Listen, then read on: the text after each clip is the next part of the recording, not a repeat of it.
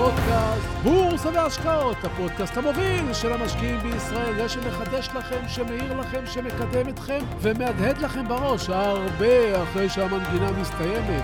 הפודקאסט שמעניק לכם כלים להשקעות, לעסקים ולחיים, אז תאכינו מקום במוח, תאכינו מקום בכיס, כי אנחנו מיד מתחילים.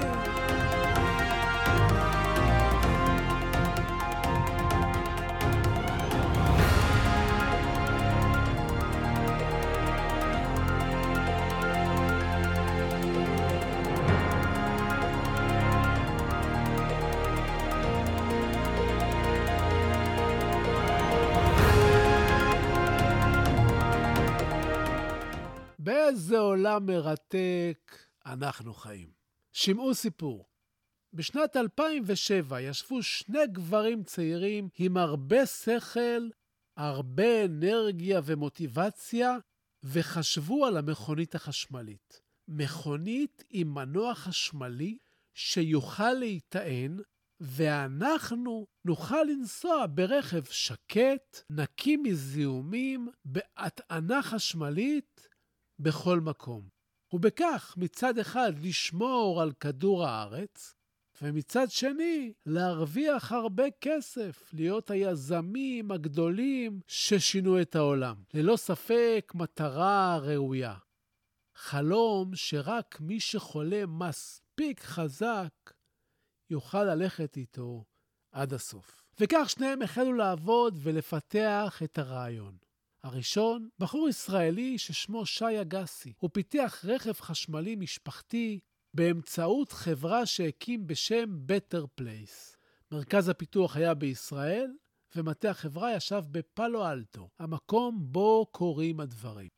שי אגסי גייס את עידן עופר שהשקיע את חברת רנו, שהמודלים של Better Place יושמו עליה, והחל לבנות מכוניות חשמליות עם חזון ענק לפרוס תשתיות הטענה בכל מקום שאפשר. שי אגסי חשב על מכוניות משפחתיות, ולכן עבד עם רנו. החזון שלו היה רכב משפחתי לא מזהם, וזה נשמע נפלא. באותו זמן ישב לו בארצות הברית אילון מאסק וחשב מחשבות דומות. טסלה הוקמה למעשה ב-2003, ואילון מאסק היה משקיע מרכזי בה. אולם החברה הייתה זקוקה לעוד כספים ועוד כספים וגייסה עוד ועוד, עד שמאסק החליט להשתלט על כולה. טסלה, אגב, זה השם של יחידת המידה העולמית של שדה מגנטי. רק שתדעו, כמו שקילוגרם למשל הוא יחידת המידה העולמית של המשקל. גם אילון מאסק, כמו אגסי, חלם לקחת את השוק העולמי החדש הזה. הבעיה ששניהם עלו עליה כבר בהתחלה הייתה הסוללה. הכל טוב ויפה, רכב חשמלי, מהיר, שקט, לא מזהם, אבל מסוגל לנסוע בין הטענה להטענה רק כמה עשרות קילומטרים. מה תעשה משפחה בישראל, למשל, שגרה בחדרה ורוצה לבקר את הסבתא בבאר שבע? צריך לחשב היכן עוצרים בדרך, ובנתונים של אז צריך לעצור כמה פעמים. לא פרקטי. בטר פלייס ניסה לפתור את זה על ידי הצבת עמדות טעינה מרובות. חוסר הביטחון הזו מהיכולת להיתקע בדרך, אגב, מנע ממני השנה לרכוש רכב חשמלי שיכול לנסוע בטעינה 600 קילומטר. לא כמה עשרות קילומטרים. המחשבה שאני צריך לחשוב מתי הטענתי והיכן אוכל להטעין שוב, מנעה ממני גם 20 שנה אחרי כמעט להמתין עוד כמה שנים, עד שתהיינה כאן מכוניות חשמליות שנוסעות אלפי קילומטר בין הטענה להטענה. אני אחכה. הבעיה הזו הביאה בסופו של יום, אם כי לא לבדה, לסגירתה של Better Place בשנת 2013. אז אילון מאסק ישב וחשב וחשב וחשב ואמר לעצמו ככה: רכב שנוסע 100 קילומטרים לא יכול להיות רכב חשמלי משפחתי. בטח לא בארצות הברית, בה נוסעים במרחבים שעות. אז למה הוא יכול להתאים? למי הוא יכול להתאים? ואז הבריק במוחו הרעיון, שזו יכולה להיות מכונית שנייה או שלישית נפלאה. לקפיצה קטנה לקניות, לבר, לילד שנוסע לחוף, לגלוש, או למשחק גולף, או סתם להראות לחבר'ה. להראות לחבר'ה, רגע, רגע, יש כאן משהו מעניין, אבל מה, מה נראה לחבר'ה? מכונית שנראית כמו מכונית משפחתית, או מכונית כזאת שהעיניים לא יוסרו ממנה. ואז אילון מאסק הבין שהוא חייב לייצר משהו שנראה כמו מכונית ספורט, שכל אחד מאיתנו ירצה. היא תהיה מהירה מאוד ובעלת תאוצה אדירה מאחר והיא חשמלית ומכוניות חשמליות מאיצות, ועם הקונספט הזה הוא יצא לדרך. הדגם הראשון נקרא רודסטר. הוא יוצר בחברה הבריטית לוטוס, ובשנת 2008 נמכרו 147 מכוניות. זו לא טעות. 147 מכוניות. התחלתי ואמרתי לכם, באיזה עולם מרתק אנחנו חיים, וחשבתי לעצמי, מה היה קורה אם שי אגסי היה מייצר מכונית חשמלית ראשונה בשיתוף עם המעצב של פרארי או של פורש? איפה הוא היה היום? איפה מאסק היה היום? אבל אלה רק מחשבות, וגם על זה רציתי לדבר איתכם היום. שלום וברוכים הבאים לפודקאסט בורסה והשקעות, הפודקאסט המוביל של המשקיעים בישראל, והיום מדבר על כסף, על אילון מאסק, על מכוניות חשמליות, על אוצרות, על אנרגיה ירוקה, על רעיונות, וכמובן עוד דברים מעוררי חשיבה. אז תהיו ממוקדים, תכינו מקום במוח, תכינו מקום בכיס, כי אנחנו מיד ממשיכים!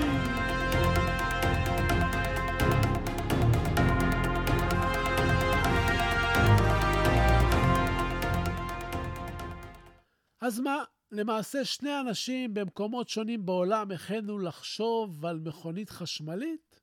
זה לא במקרה. בין 2006 ל-2012 הציף את העולם שטף של רעיונות לאנרגיות מתחדשות.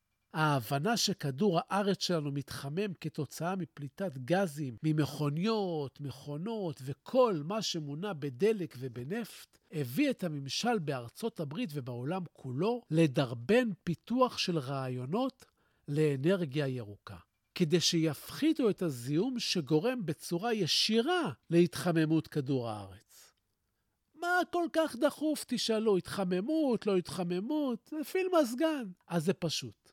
בגלל פליטת הגזים שנוצרים משריפת הדלק, שכבת ההגנה של כדור הארץ מידלדלת והטמפרטורות עולות.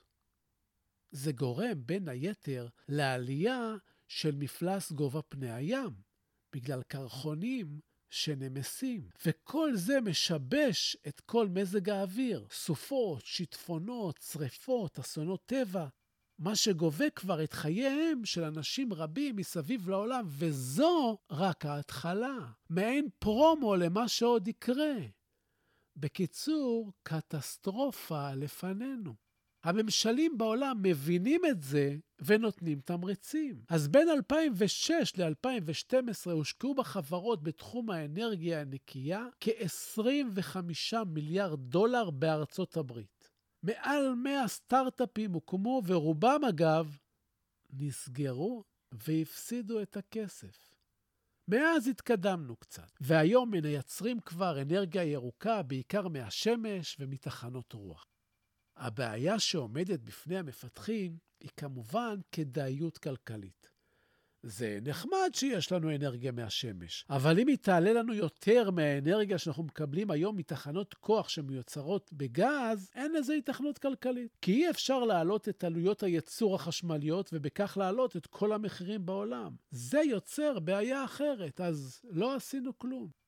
ואז קמו חברות רבות שהקימו חוות סולריות והצליחו עם התקדמות הטכנולוגיה לייצר חשמל נקי במחיר טוב, מחיר שאפשר לעבוד איתו. כלומר, שלא יהיה יותר גבוה מהמחירים של החשמל שמיוצר בגז. זה נפלא. לוקחים שטח ענק, שמים פאנלים סולאריים ומפיקים חשמל. כלכלית זה בערך כמו לקנות דירה ולקבל שכירות. הכנסה קבועה מהשמש, השקעה ראשונית גדולה, ולאחר מכן רק תחזוקה. כמו דירה, קניתם פנטהאוס בתל אביב, ואתם מקבלים כל חודש שכר דירה הרבה הרבה שנים. אלה סוג אחד של חברות שמרוויחות מגל האנרגיה הירוקה. מה שאני אומר, שימו לב, יש כאן הזדמנות יפה, אבל מצד שני, ברגע שהמחירים ירדו וירדו, ככל שתהיינה יותר חוות כאלה, נצטרך לחזור ולבדוק את המודל העסקי. כשהרבה אנשים מוכרים את אותו מוצר, בסוף יהיה מי שיוריד מחיר. וכשיש תחרות של מחירים, זה כבר סיפור אחר. תחום נוסף שמתפתח הוא אגירת האנרגיה.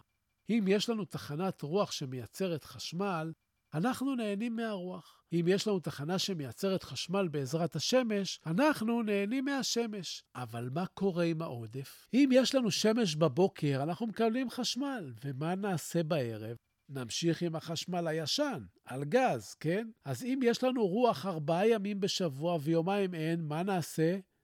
נשארנו עם הגז, עם הפחם. כאן כבר מפתחים כל מיני פתרונות לאגירת אנרגיה. ישנן חברות שאוגרות אנרגיה בלחץ אוויר. למשל, בזמן שיש שמש או רוח, החשמל המופק מפעיל מדחס ענק שאוגר אוויר בלחץ גבוה. כאשר אין שמש ורוצים אנרגיה, אפשר לשחרר את לחץ האוויר ולייצר את האנרגיה שאנחנו צריכים בלי קשר לשמש של הרוח. אותו דבר גם אגירת אנרגיה בעזרת קרח למשל. בשעות שהשמש עובדת, משתמשים באנרגיה להקפיא מים במערכת מיזוג גדולה, ובשעות הערב הקרח הזה מקרר לנו את מגדלי הקירור, שנותנים לנו קור כל הלילה. היכן הבעיה של כל המערכות האלה? עיבוד אנרגיה. לדוגמה, מערכת של מדחס שאוגר אנרגיה פולטת חום. חום זה אנרגיה. וככה הנצילות של האנרגיה יורדת. כך שאם לצורך הדוגמה אספנו מהשמש 100 קילוואט למערכת אגירת האנרגיה, והיא בעצמה מבזבזת 20-30 אחוזים מהאנרגיה שנשמרה, אז מה עשינו פה? יכול להיות שהעסק כבר לא כל כך כלכלי. כי בסוף אספנו אנרגיה של שמש, אנחנו מקבלים ממנה בקצה רק 70 אחוז אולי. והעלויות בהתאם. תמיד המחיר, המחיר זה תמיד צריך להיות כלכלי. זה תחום השקעה נוסף בעולם האנרגיה, וכשאתם מחפשים להשקיע, תחפשו חברות שעושות עבודה טובה עם נצילות גבוהה. לסיום, נחזור למכוניות החשמליות שאיתן פתחנו, ועם המרכיב העיקרי שלהם והחשוב מכל, הסוללה.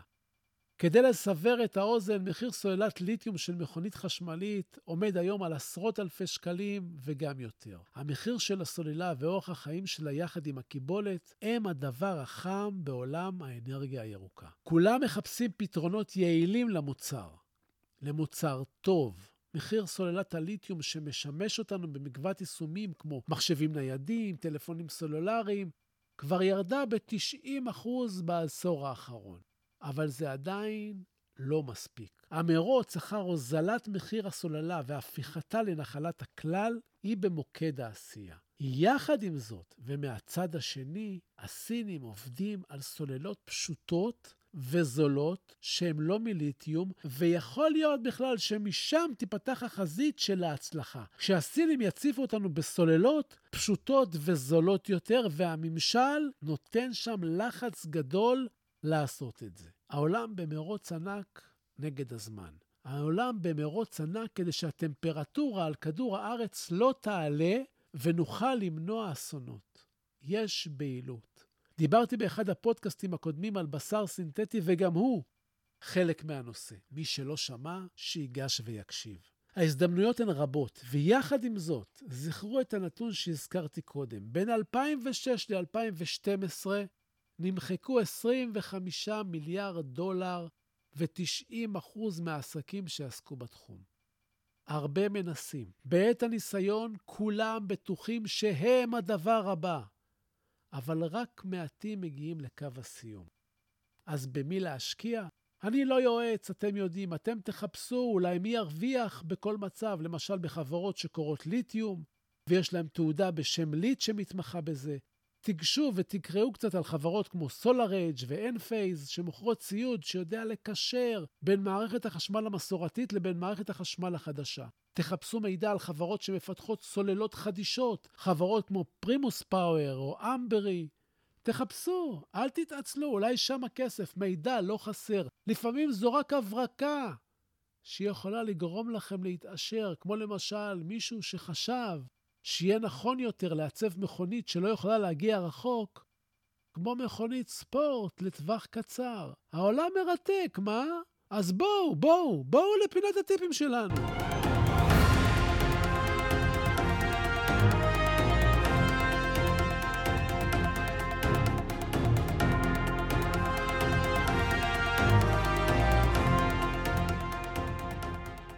ועכשיו לפינת הטיפים שלנו. משקיעים רבים פונים אליי ושואלים דרך איזה פלטפורמה אני סוחר, איך אני משקיע, דרך מי כדאי לעבוד ואיפה לפתוח חשבון. אז מה שאני רוצה לומר לכם, ש-95% בהשקעות חשוב מה אתם קונים ומוכרים ולא איפה. את חמשת הדברים הבאים אני פורט לביטחון, כלומר לשים את הכסף במקום שהוא לא עשוי להיעלם. גופים גדולים וחזקים, והיו מקרים בעבר. מקום שלא מסבך אתכם ביורוקרטיה גדולה, מקום שלא גורם לכם להרגיש חסרי אונים, מקום שיש לכם עם מי לדבר כשאתם צריכים, ומקום שנוח לכם להבין איך עושים כל פעולה.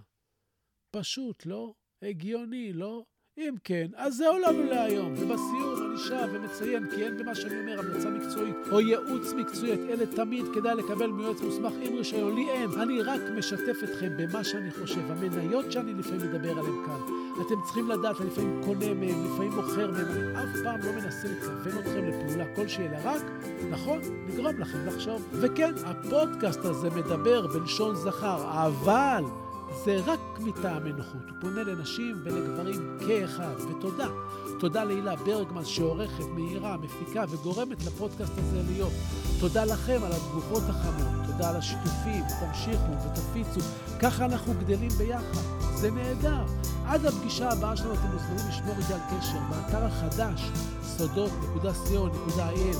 יש סמינרים בחינם, תלכו לצפות, יש מאמרים, יש טיפים, הכל חינם, תקראו, תשלחו לי מייל, תרשמו לי מה דעתכם, צביקה, כרוכית, סודות.co.il. תעקבו אחריי באינסטגרם, סודות, כף תחתון, בורסה באנגלית, תגיבו, תשאלו, תעלו נושאים, אני חוזר לכל אחד ואחד מכם. אני מבקש, סמנו שאהבתם ותשלחו את הפודקאסט עכשיו לעוד כמה חברים, שיהיו לנו עוד מאזינים. תודה. תודה רבה שהאזנתם. הלוואי שתתעשרו בקרוב, תהיו בריאים, ניפגש בקרוב ותאמצו את הנתינה, זה חשוב. ביי!